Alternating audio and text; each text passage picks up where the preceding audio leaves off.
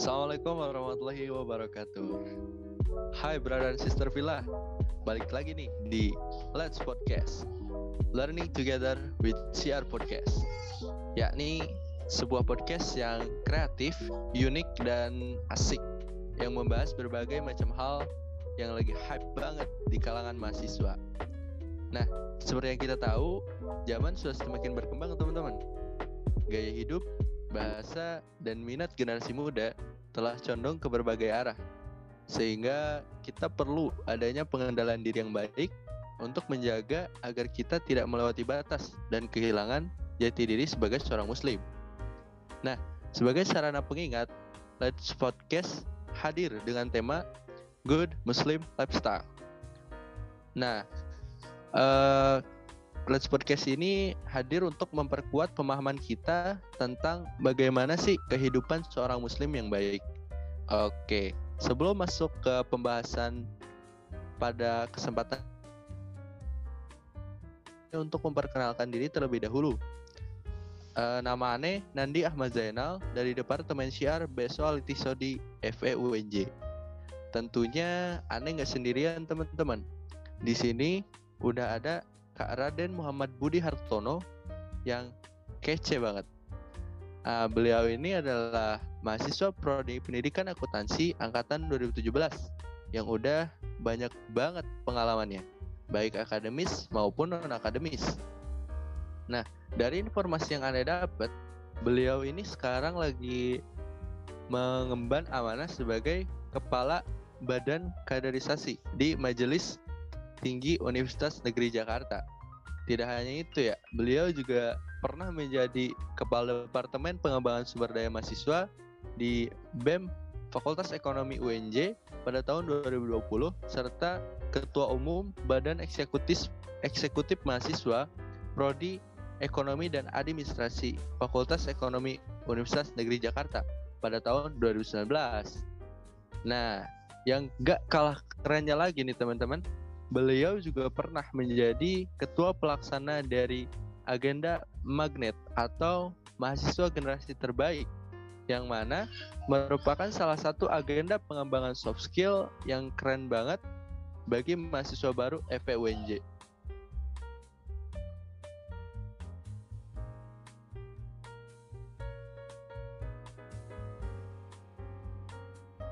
Oke. Nah, buat soft skillnya ya kita udah nggak perlu tanya lagi ya buat Kak Budi ini sebenarnya udah jago banget uh, Adobe Photoshop, Adobe Illustrator juga, apalagi public speakingnya mantep banget. Terus beliau juga salah satu uh, individu yang cukup critical thinking, masya Allah. Nah, salah satu pencapaian keren beliau ini pernah menjadi juara tiga poster ekonomi Islam temu ilmiah regional FOSE Jabodetabek pada tahun 2019. Oke, tanpa berlama-lama lagi, mari kita sapa pembicara kita yang keren banget ini. Assalamualaikum, selamat malam Kak Budi. Waalaikumsalam, malam Nandi, malam buat teman-teman mus, uh, sahabat Muslim dari Fakultas Ekonomi Universitas Negeri Jakarta. Masya Allah ya. Bagaimana kabarnya nih Kak? Alhamdulillah baik. Nandi sendiri gimana nih kabarnya nih? Alhamdulillah baik kak baik. Ya. Buat sekarang, ya kira-kira kesibukannya apa nih kak?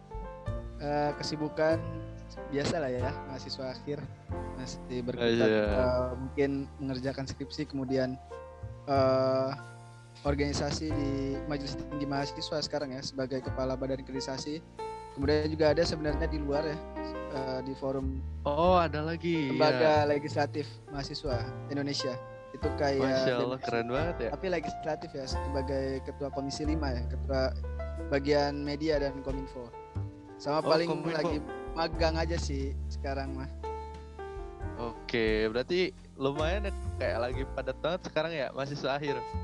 Ya lumayan lah ya Oke, kalau gitu uh, mungkin kita bisa sedikit masuk ya kayak ke pembahasan uh, pada kesempatan kali ini ya kak.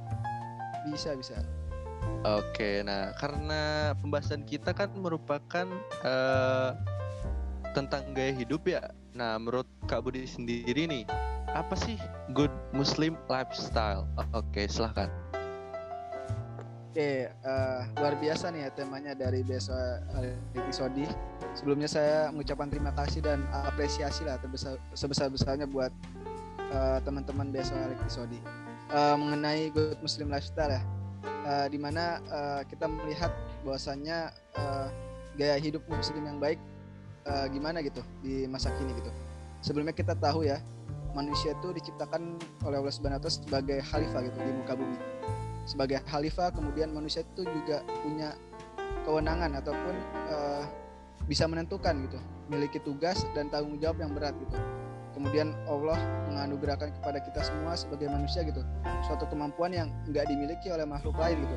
Yaitu apa? Kemampuan untuk berpikir dan juga kemampuan fisik.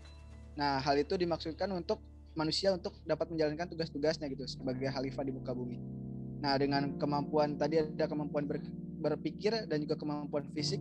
Nah, kalau kemampuan berpikir itu manusia ya dapat membedakan hal-hal yang baik dan juga hal-hal yang buruk dalam kehidupan yang uh, penuh dengan eh, hal-hal uh, yang tabu, hal-hal yang fana dan lain sebagainya.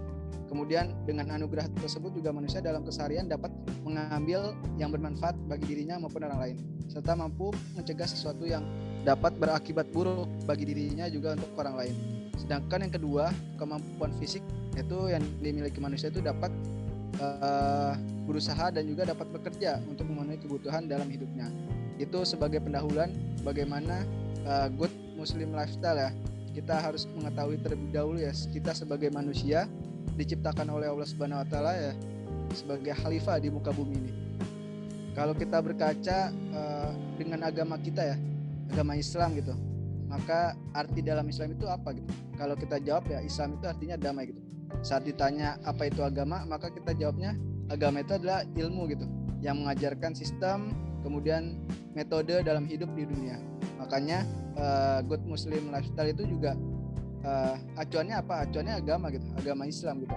Makanya nggak bisa kita membeda-bedakan ataupun memilah gitu antara dunia antara dengan akhirat. Karena akan ada kaitannya gitu antara dunia dengan lifestyle. Uh, antara dunia dengan uh, akhirat gitu. Jadi lifestyle kita di dunia kita juga harus menyesuaikan dengan uh, apa tujuan kita ke depan. Apa tujuan kita? Ya tujuan kita ya sama-sama menuju surganya Allah Subhanahu wa taala yaitu akhirat gitu. Kemudian dalam pandangan Islam ya, gaya hidup itu dapat dikelompokkan gitu menjadi dua golongan. Yang pertama gaya hidup Islami dan yang kedua itu gaya hidup jahil. Nah gaya hidup Islam itu ya sesuai dengan tema yang uh, teman-teman iktiso di bawah nih yaitu uh, good Muslim lifestyle. Jadi gaya hidup yang Islami punya landasan yang kuat dan juga mutlak. Apa itu? Itu tauhid. Jadi inilah gaya hidup orang-orang yang beriman orang-orang yang percaya bahwa uh, Allah adalah Tuhan satu-satunya dan Rasul adalah pembawa risalah agama Allah. Kemudian ada pun yang kedua tadi ya, gaya hidup yang jahil itu landasannya bersifat relatif dan rapuh, penuh dengan nuansa kesyirikan. Kemudian inilah gaya hidup yang di, uh, dilakukan oleh orang-orang kafir. Karena setiap individu muslim ya itu udah menjadi keharusan bagi kita untuk memilih gaya hidup yang islami gitu dalam menjalani hidup dan juga kehidupannya uh, dalam berbagai ranah. Nah, hal ini juga sejalan nih dengan firman Allah Subhanahu wa taala dalam Quran surat uh, Yusuf ya ayat 108 yang artinya katakanlah inilah jalan agamaku dan aku dan orang-orang mengikutiku mengajak kamu kepada Allah dengan hujah yang nyata. Maha suci Allah dan aku tiada termasuk orang-orang musik musyrik ya. Jadi berdasarkan ayat tersebut uh, jelas gitu bahwa gaya hidup Islam itu hukumnya wajib bagi setiap muslim dan gaya hidup jahil adalah haram hukumnya. Hanya saja dalam kenyataan justru membuat kita sangat prihatin gitu. Sebab justru gaya hidup jahil yang diharamkan itulah yang mungkin uh, dapat kita rasakan ya mendominasi sebagian besar gaya hidup umat umat Islam pada saat ini. Nah fenomena ini persis seperti yang pernah disinyalir ya oleh Rasulullah SAW.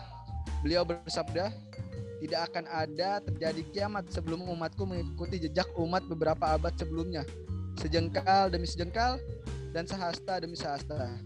Ditanyakan kepada Rasulullah, ya Rasulullah, mengikuti mengikuti orang Persia dan Romawi kah?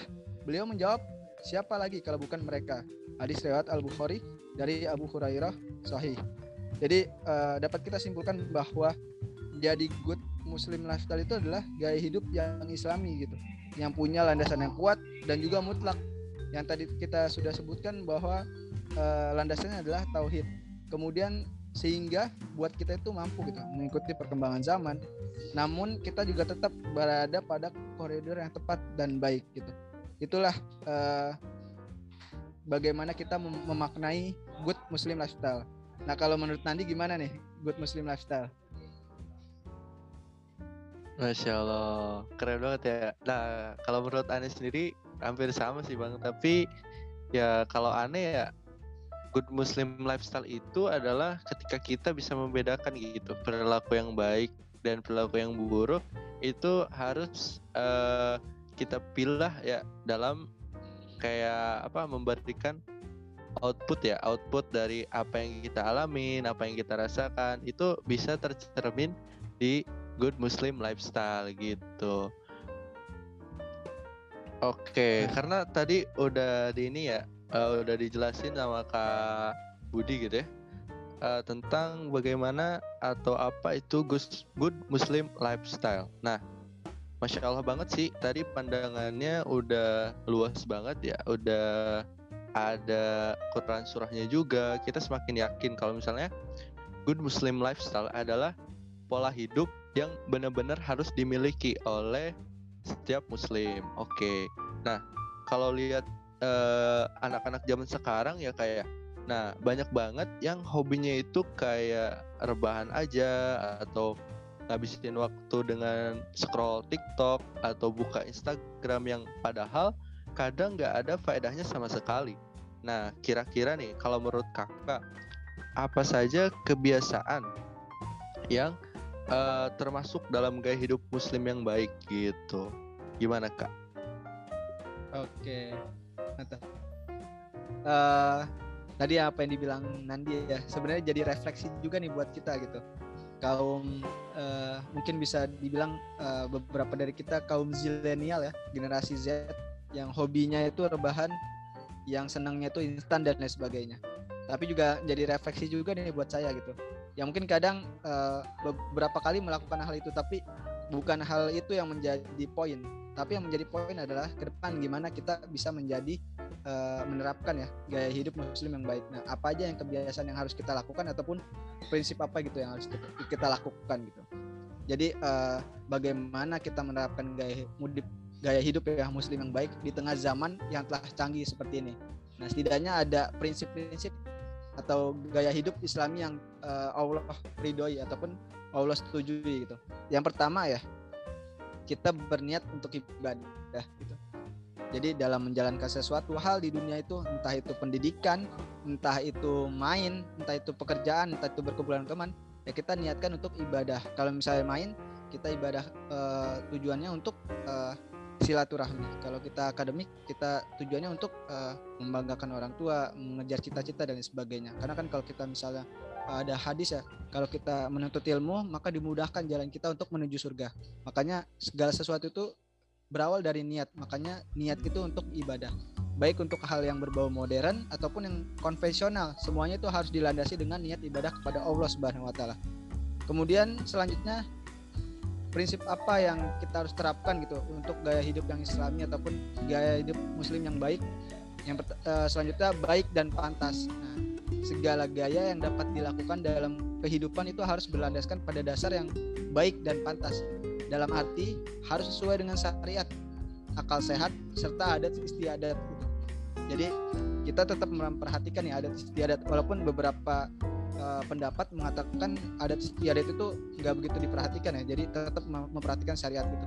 Tapi uh, karena adab-adab di Indonesia yang uh, sangat multikultural ya jadi kita harus memperhatikan juga adat istiadat sekitar gitu makanya kita juga harus mampu menyesuaikan dengan kondisi sekitar kita bukan dengan uh, perkembangan zaman juga tapi sekitar kita juga harus kayak gitu makanya dakwah itu ya menyeluruh gitu ke segala hal ke segala suku dan sebagainya. Kemudian selanjutnya adalah halal dan toyib. Nah, itu yang prinsip yang harus dipegang oleh seorang muslim dalam menerapkan gaya hidup yang baik gitu.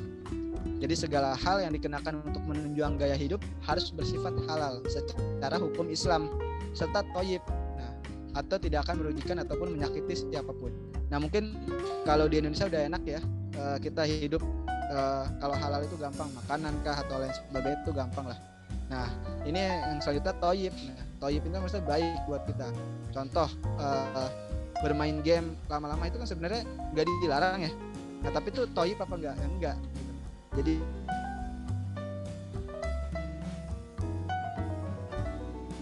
merugikan orang lain. Kemudian selanjutnya apa prinsip yang harus kita pegang untuk uh, menerapkan kebiasaan itu? Kebiasaan gaya hidup yang baik adalah tanpa kebohongan atau kejujuran. Jadi kehidupan dalam Islam itu sangat dilarang mengandung kebohongan. Jadi semua orang itu harus memiliki kejujuran sebagai dasar utama dalam menjalani kehidupan duniawi ini. Dan yang terakhir, prinsip yang harus kita pegang adalah tidak berlebihan ataupun sederhana ya kita sebagai muslim uh, kita harus menerapkan hidup yang sederhana. Sederhana bukan berarti uh, serba kekurangan tapi sederhana adalah tahu batasan-batasan di mana kita uh, merasa cukup dan jangan berlebihan. Jadi gaya hidup yang islami juga melarang seseorang untuk bersikap berlebihan sebab hal tersebut itu nggak akan uh, akan merugikan ya diri sendiri dan juga orang orang sekitar kita. Dan juga Allah itu nggak nyukai orang-orang yang gemar mubazir atau uh, ibaratnya berlebihan Makanya itulah prinsip-prinsip yang harus kita pegang. Yang tadi ya, uh, niatkan untuk ibadah, kemudian baik dan pantas, halal dan toyib, tanpa kebohongan dan juga nggak berlebihan. Kalau kita udah punya prinsip kayak gitu, niscaya kita bakalan bisa menerapkan kebiasaan-kebiasaan untuk menerapkan gaya hidup muslim yang baik. Kayak gitu Nandi. Oke, masya Allah banget ya. Uh, kalau dibahas gitu ya karena emang bener ya kayak uh, cara menerapkan kebiasaan yang baik itu perlu ada ya prinsip perlu ada niat juga ya. Kalau misalnya kita katanya nih ya kalau misalnya kita mau bangun habits itu setidaknya harus dibiasakan gitu dalam kurun waktu lebih dari 40 hari gitu ya. Betul. Nah itu tadi uh, tambahan dari Kak Budi sebenarnya udah masya Allah banget kan untuk uh, prinsip-prinsipnya gitu ya bagaimana caranya juga kan uh, dari penjelasan tadi aneh nangkep beberapa hal kalau misalnya uh, membangun sebuah lifestyle itu perlu ilmu juga benar ya kayak tentang bagaimana diniatkan untuk ibadah terus baik dan pantas itu bagaimana gitu ya. Masya Allah. ya benar banget. Oke nah kita lanjut ya kak ya. Nah lanjut lanjut. meskipun ya uh, susah banget nih kita cara membiasakan diri. Bagaimana sih kalau dari kak bagus sendiri cara membiasakan diri tersebut agar kita dapat menerapkannya gitu ya sebagai gaya hidup muslim yang baik gitu? Silahkan kak Oke, uh, dari gimana bagaimana cara kita membiasakan diri ya agar dapat menerapkan gaya hidup yang baik gitu. Iya, betul bang. Ya, sebenarnya ini nyambung ya dengan bahasan kita yang kedua tadi. Uh, kita udah tahu tuh apa um, gaya muslim yang nah good muslim uh, lifestyle itu kayak apa gitu. Terus kebiasaannya seperti apa sih kalau kita bisa jadi gaya hidup muslim yang baik menerapkannya? Ini sebenarnya berkaitan gitu. Caranya gimana untuk membiasakan diri ya. Tadi Nandi udah menyinggung ya.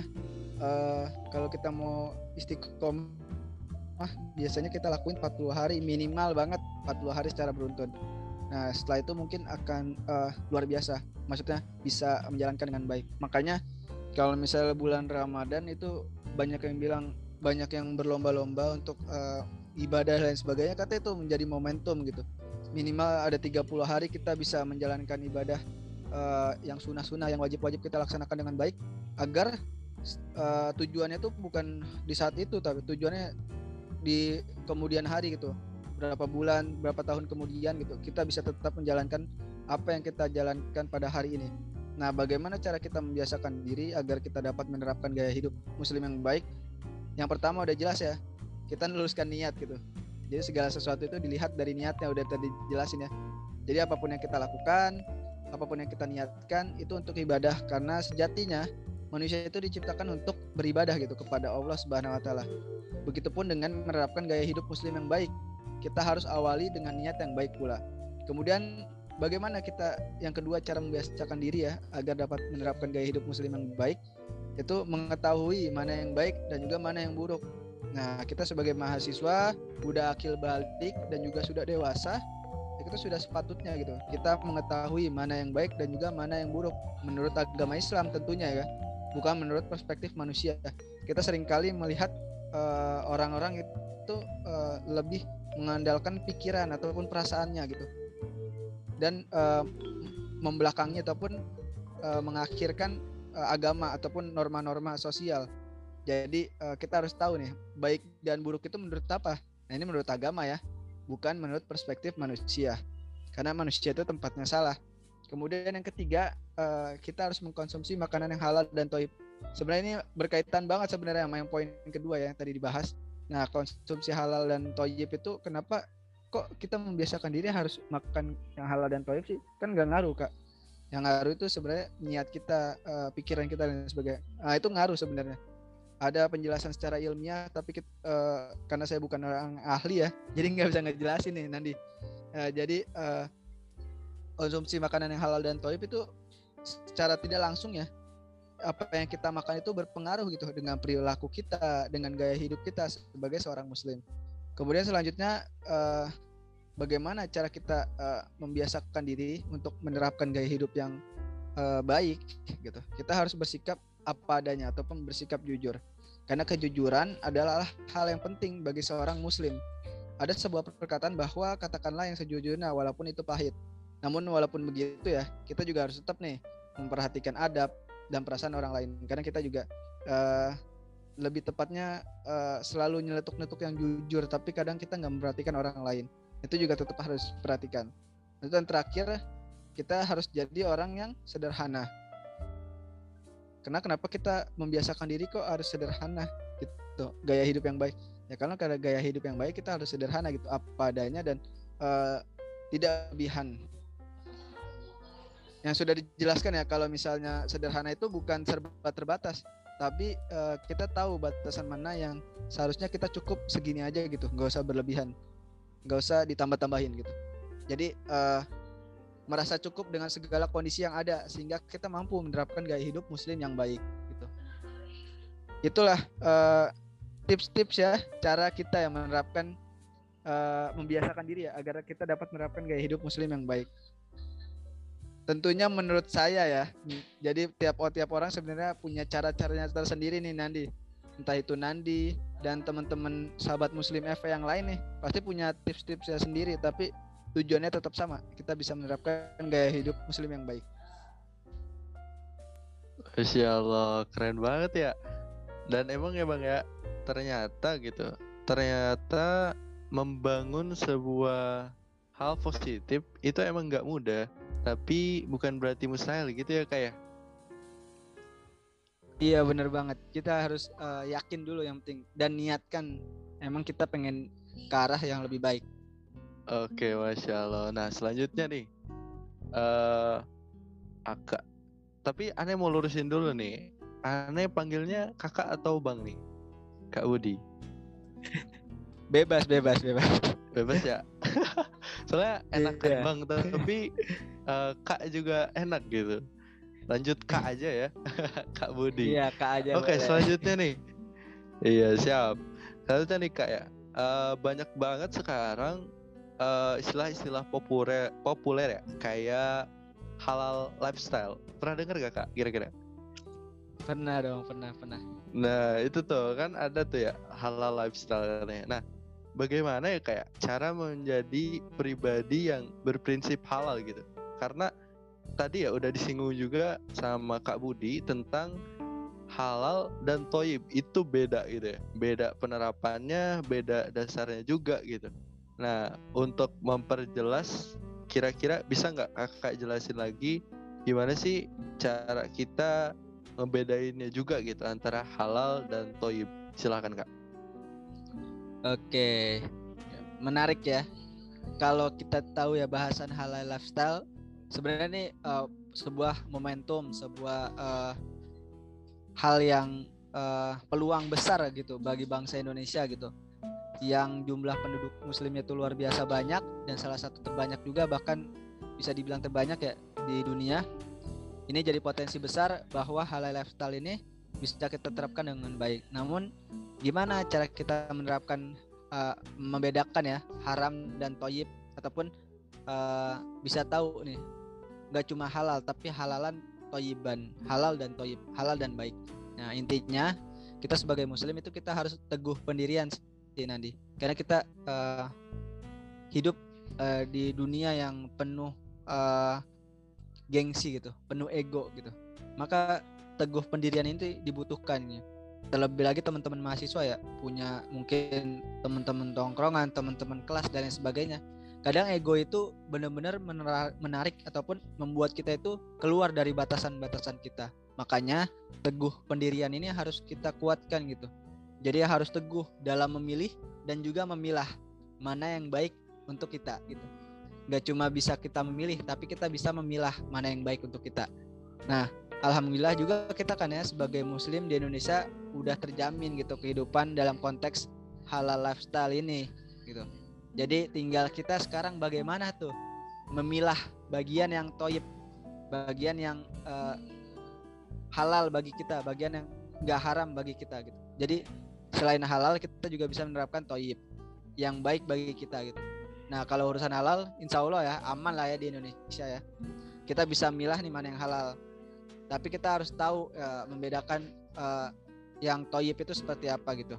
Entah itu dalam hal makanan, dalam hal kegiatan dan lain sebagainya itu harus kita tahu gitu karena uh, bener-bener ini zaman-zaman yang luar biasa zaman digital zaman media di mana-mana uh, kita harus pandai gitu dalam memilih dan memilah mana yang baik mana yang buruk mana yang berita baik mana yang berita bohong dan lain sebagainya. Kita sebagai muslim harus kuat gitu. Karena fenomena yang sekarang dan di Indonesia ya kita sebagai muslim terbesar di dunia namun fenomenanya uh, kenyataannya kita nggak sesuai gitu. Seharusnya kita rukun dan sebagainya yang mencerminkan muslim banget lah. Tapi nggak kayak gitu. Bahkan ada uh, survei indeks uh, seorang muslim dapat uh, membaca membaca Quran itu sangat sedikit gitu di Indonesia. Nah ini juga harus kita ketahui gitu. Makanya uh, intinya ya kalau kita pengen membedakan ataupun uh, punya prinsip gitu terkait halal lifestyle kita punya prinsip kita harus teguh pendirian kita harus teguh terhadap apa yang kita uh, imani dan juga pandai dalam memilih dan memilah mana yang baik untuk kita kayak gitu Nandi oke masya Allah ego emang mengerikan ya pak ya kayak ya? bener banget Waduh. Kadang ya. kita uh, kalau misalnya udah tahu nih ya kak tentang sesuatu yang kayak udah kelihatan nggak baik, tapi karena uh, ego gitu. Kadang yeah. ya ya udahlah gitu. Adalah, ke bawah juga lah. gitu. Nah. Sekali sekali gitu. Iya sekali kali ya, eh, luar biasa laki-laki tuh egonya kuat banget. Iya. Perlu nyoba kayaknya gitu. Ada aja gitu godaan itu. Iya benar. Oke. Okay. nah uh, kita lanjut kayaknya ya kak ya. Terkait ini nih kak. Lanjut, uh, ya kehidupan sosial nih. Kan banyak banget ya yang masih bingung gitu terkait gimana ya cara kita berperilaku yang baik sesuai dengan tempatnya sesuai dengan waktunya uh, dan mungkin sesuai dengan lawan bicara kita gitu kak. Menurut kak Budi sendiri gimana ya kira-kira? Silakan. Oke. Okay. uh, bagaimana kita sebagai seorang muslim ya menerapkan kebiasaan baik di mana pun itu ya Nandia iya betul betul di rumah di kampus tempat kerja dan sebagainya. Nah ini kita harus ketahui ya uh, kita harus tahu uh, posisi kita seperti apa gitu. Kalau misal ya contoh ya contoh di rumah sebagai anak sebagai kakak. Nah kita sebagai anak apa tugas kita gitu? Uh, kita harus uh, patuh kepada orang tua, jangan sering-sering ataupun jangan pernah berkata ah ataupun malas kepada orang tua.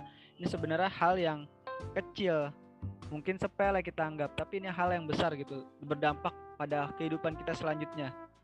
Karena apa yang kita tanam itu yang kita tuai di kemudian hari. Makanya kita harus tahu nih menerapkan kebiasaan baik di berbagai ranah itu harus tahu tempat dan harus tahu uh, takarnya seperti apa. Nah kalau di rumah sebagai anak itu harus patuh kepada orang tua, sebagai kakak kita mengayomi adik-adik kita, mengajarkan uh, kalau kita uh, kalau apa segala hal itu kita ajarkan gitu kepada adik kita sebagai kita kakak yang misalnya contoh ya kita sudah lebih dewasa ataupun setelah lebih dulu gitu mengarungi kehidupan gitu.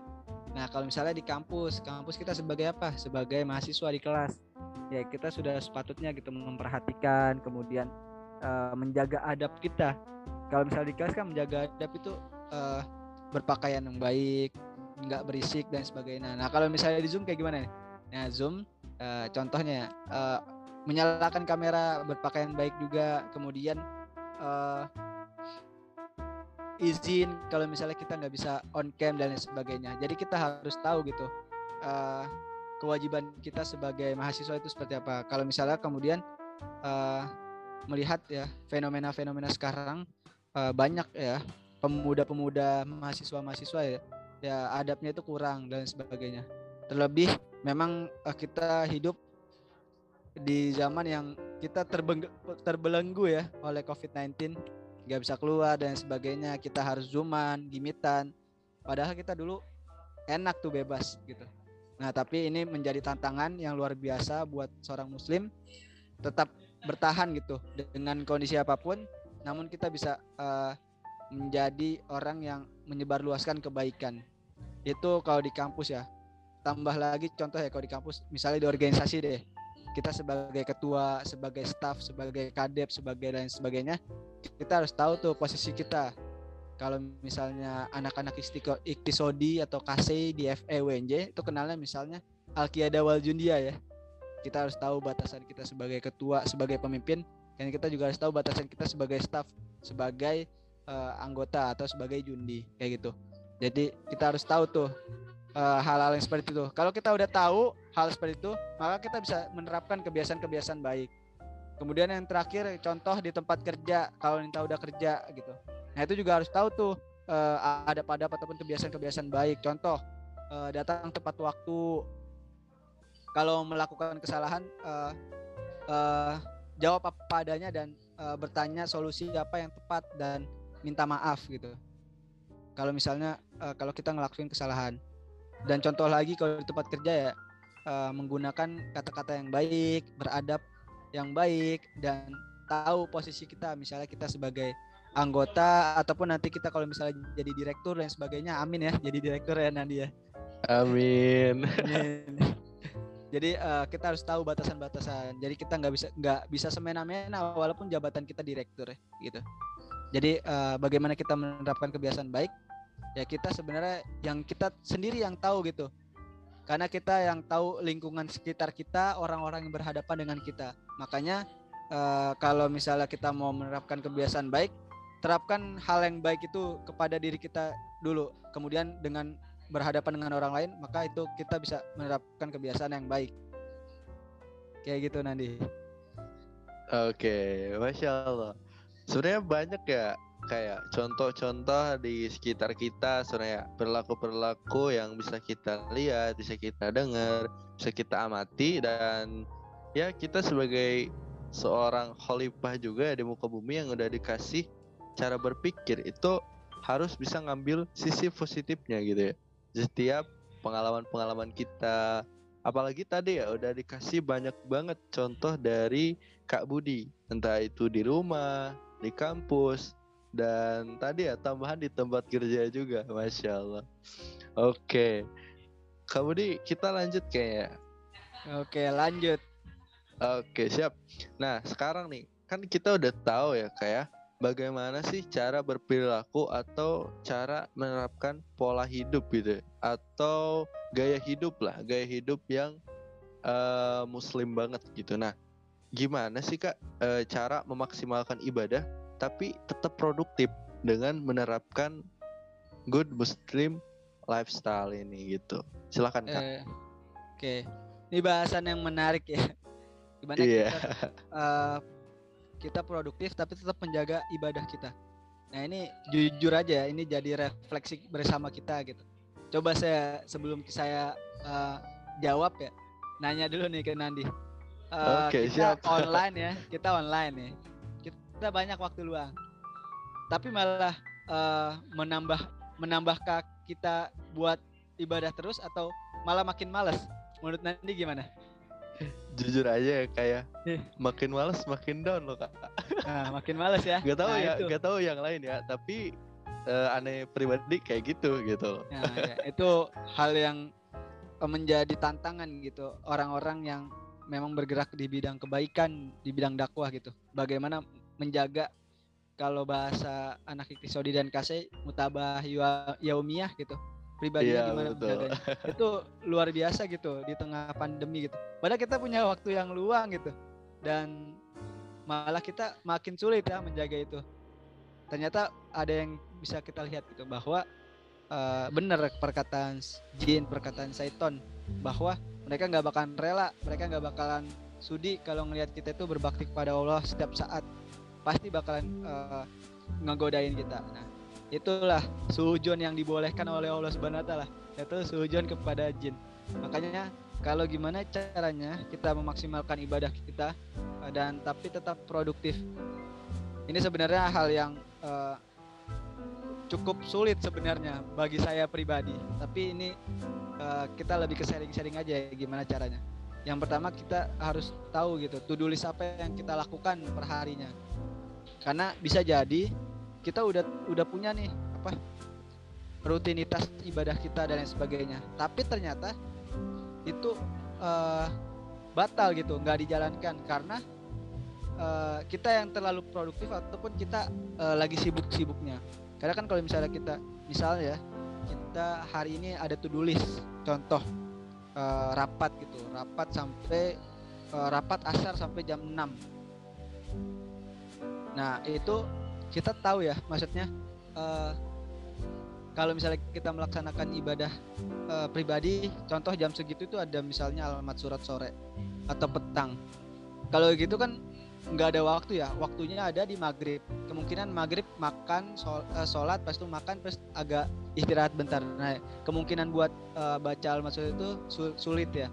Nah, kalau kita udah to-do list tahu nih hari ini kita ada rapat, nah itu bisa kita selingin ataupun kita akalin eh, abis asar kita langsung baca alamat surat bisa baca cepet dan sebagainya ataupun ya kita eh, dahulukan terlebih dahulu tapi kalau kita nggak ngelakuin nggak eh, to do list per hari kita nggak ngelis hari ini kita mau apa.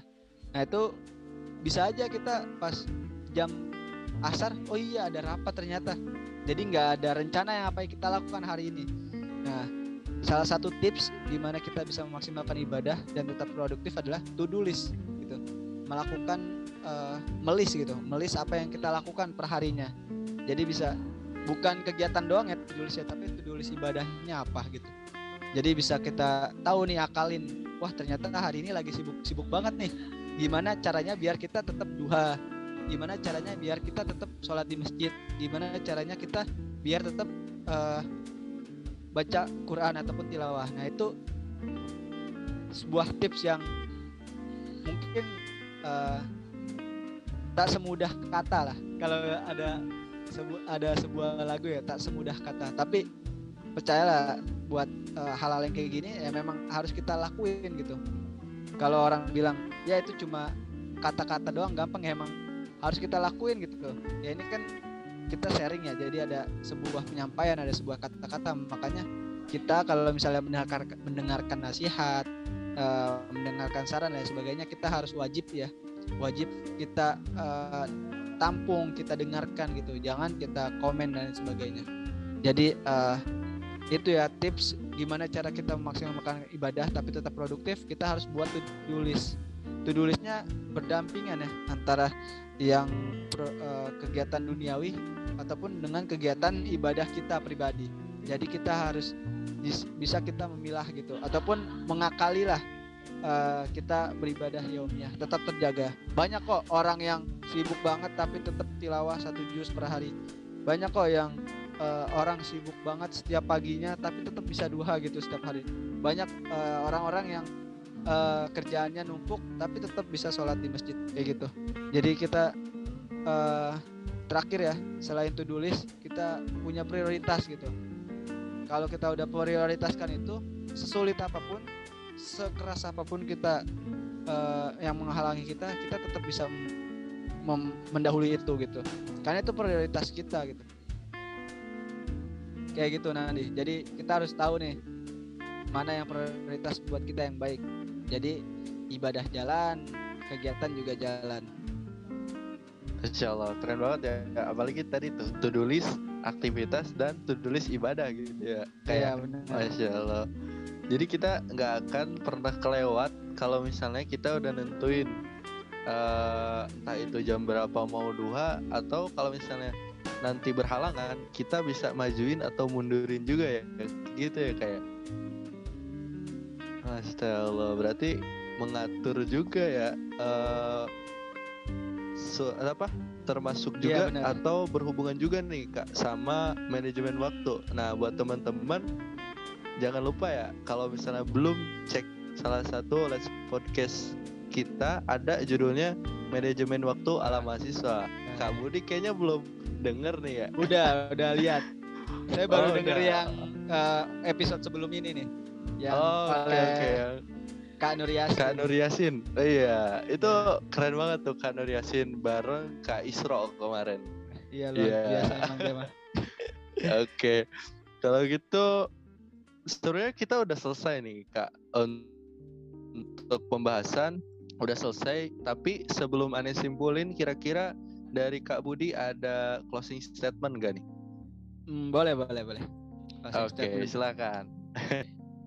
ya buat teman-teman yang mendengarkan podcast ini ya khususnya iya, betul. Uh, mahasiswa muslim ya FEWNJ nih kita uh, muslim ya gak jangan sekedar muslim KTP nih kita jangan jangan malu kita uh, keduluan gengsi, keduluan tren dan sebagainya. Jangan malu kita jadi orang yang mungkin diledekin karena kita terlalu biasa-biasa aja. Tapi malulah ketika kita nggak bisa menerapkan kehidupan yang baik menurut agama kita, menurut kepercayaan kita. Karena kalau uh, yang namanya agama adalah ya kita imani dalam hati, kita uh, ucapkan melalui perkataan dan kita uh, implementasikan melalui perlakuan kita, perbuatan kita. Nah, pesan buat teman-teman semua, uh, jadilah muslim yang uh, baik gitu. Jadilah muslim yang uh, menerapkan kehidupan yang islami. Karena uh, jangan sampai kita menyesal di kemudian hari bahwasanya uh, ternyata nyesel loh uh, kita nggak bisa baca Quran, nyesel kita nggak nggak belajar uh, tahsin dan sebagainya karena saya jujur ya saya uh, orang-orang yang masa kini juga yang kadang scroll TikTok tapi uh, dari hal yang sebenarnya kurang baik tapi saya bisa mengambil hikmah bahwasanya ternyata banyak loh dari orang-orang yang kayak gitu saya baca-baca komennya nyesel juga gitu nggak nggak nggak belajar ngaji dan sebagainya. Saya lihat uh, tiktokers yang uh, kori dan sebagainya ataupun pendakwah gitu. Nah itu ada tuh di komen-komenan yang menyadarkan bahwa wah uh, ternyata bersyukur loh uh, berada di lingkungan yang saya pernah masuk di Kisodi, saya pernah masuk di Kasai dan sebagainya. Dan ini mengajarkan bahwa uh, siapa pun kita, uh, posisi kita, di mana pun kita, ranah kita, mau kita di ranah yang mana pun, bahwasanya agama ini tetap kita pegang gitu. Walaupun sangat berat gitu, bagaikan memegang uh, bara di tangan. Itulah kalau kita memegang prinsip agama Islam di zaman yang uh, akhir zaman seperti ini, bagaikan memegang bara api di tangan. Nah, jadi tetaplah berpegang teguh pada Islam dan menerapkan kebiasaan-kebiasaan baik menurut uh, syariat-syariat yang telah Allah tentukan. Itu aja dari saya. Uh, Semoga sehat selalu buat uh, teman-teman yang mendengarkan podcast ini dan juga buat Nandi ya dan juga teman-teman BSO Alektis Sodi. Amin, amin ya rabbal alamin. Syukran bang. Oke, udah nih bang. Udah. Udah. Mau nambah. siap siap. Oke. Okay.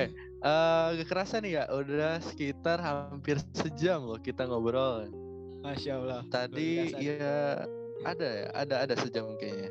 Nah Hampir lah kalau ya, gitu,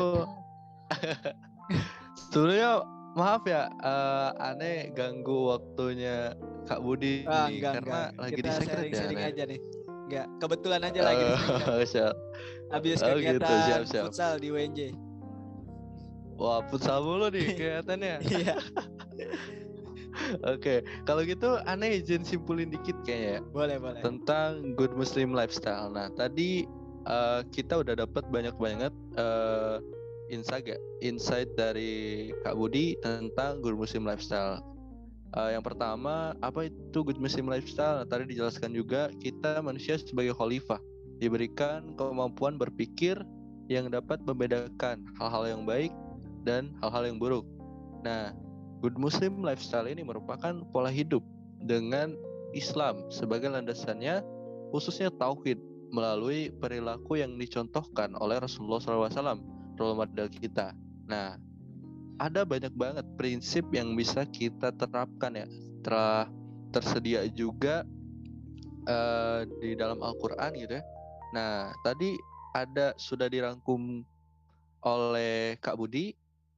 Di antaranya yang pertama prinsip hidupnya itu adalah niatkan untuk ibadah. Nah, yang kedua baik dan pantas, yaitu kebiasaannya itu atau uh, gaya hidupnya itu baik dan pantas, entah itu sesuai syariat dan juga adat istiadat. Lalu selanjutnya ada halal dan toib, uh, tanpa kebohongan dan juga tidak berlebihan. Nah, uh, bagaimana kira-kira ya cara kita membiasakan diri supaya bisa menerapkan ya gaya hidup Muslim yang baik? Nah, dari Kak Budi sendiri tadi sudah dijelaskan ya. Yang pertama itu kita harus meluruskan niat terlebih dahulu, mengetahui mana yang baik dan mana yang buruk berdasarkan syariat agama. Uh, tidak lupa juga mengkonsumsi yang halal dan toib, bersikap jujur, jujur dan selalu sederhana. Nah, tidak hanya itu, kita juga perlu tahu tentang gimana cara atau contoh perilaku tadi sudah sudah dijelaskan pula ya oleh Kak Budi gimana sih cara kita berperilaku di rumah kepada orang tua kah kepada adik-adik kah atau bahkan kepada lingkungan-lingkungan di sekitar kita. Nah, tak lupa pula uh, tentang kehidupan berorganisasi ya. Tadi sudah dijelaskan gimana sih cara kita ngatur waktu gitu ya. Terus ada juga bersikap di tempat kerja gitu. Banyak banget tadi contoh yang udah dijelasin. Terus untuk memaksimalkan ibadah juga kita bisa menerapkan salah satunya adalah uh, to-do list atau mengetahui aktivitas-aktivitas dan ibadah-ibadah apa yang akan kita lakukan. Nah, setelah itu kita tentukan prioritas. Ketika sesuatu yang uh, sudah kita rencanakan ternyata bertabrakan dengan agenda atau kegiatan lain, maka kita harus bisa menyesuaikan diri dengan keadaan untuk memberikan atau uh, menuangkan ya uh, prioritas kita pada hal tersebut.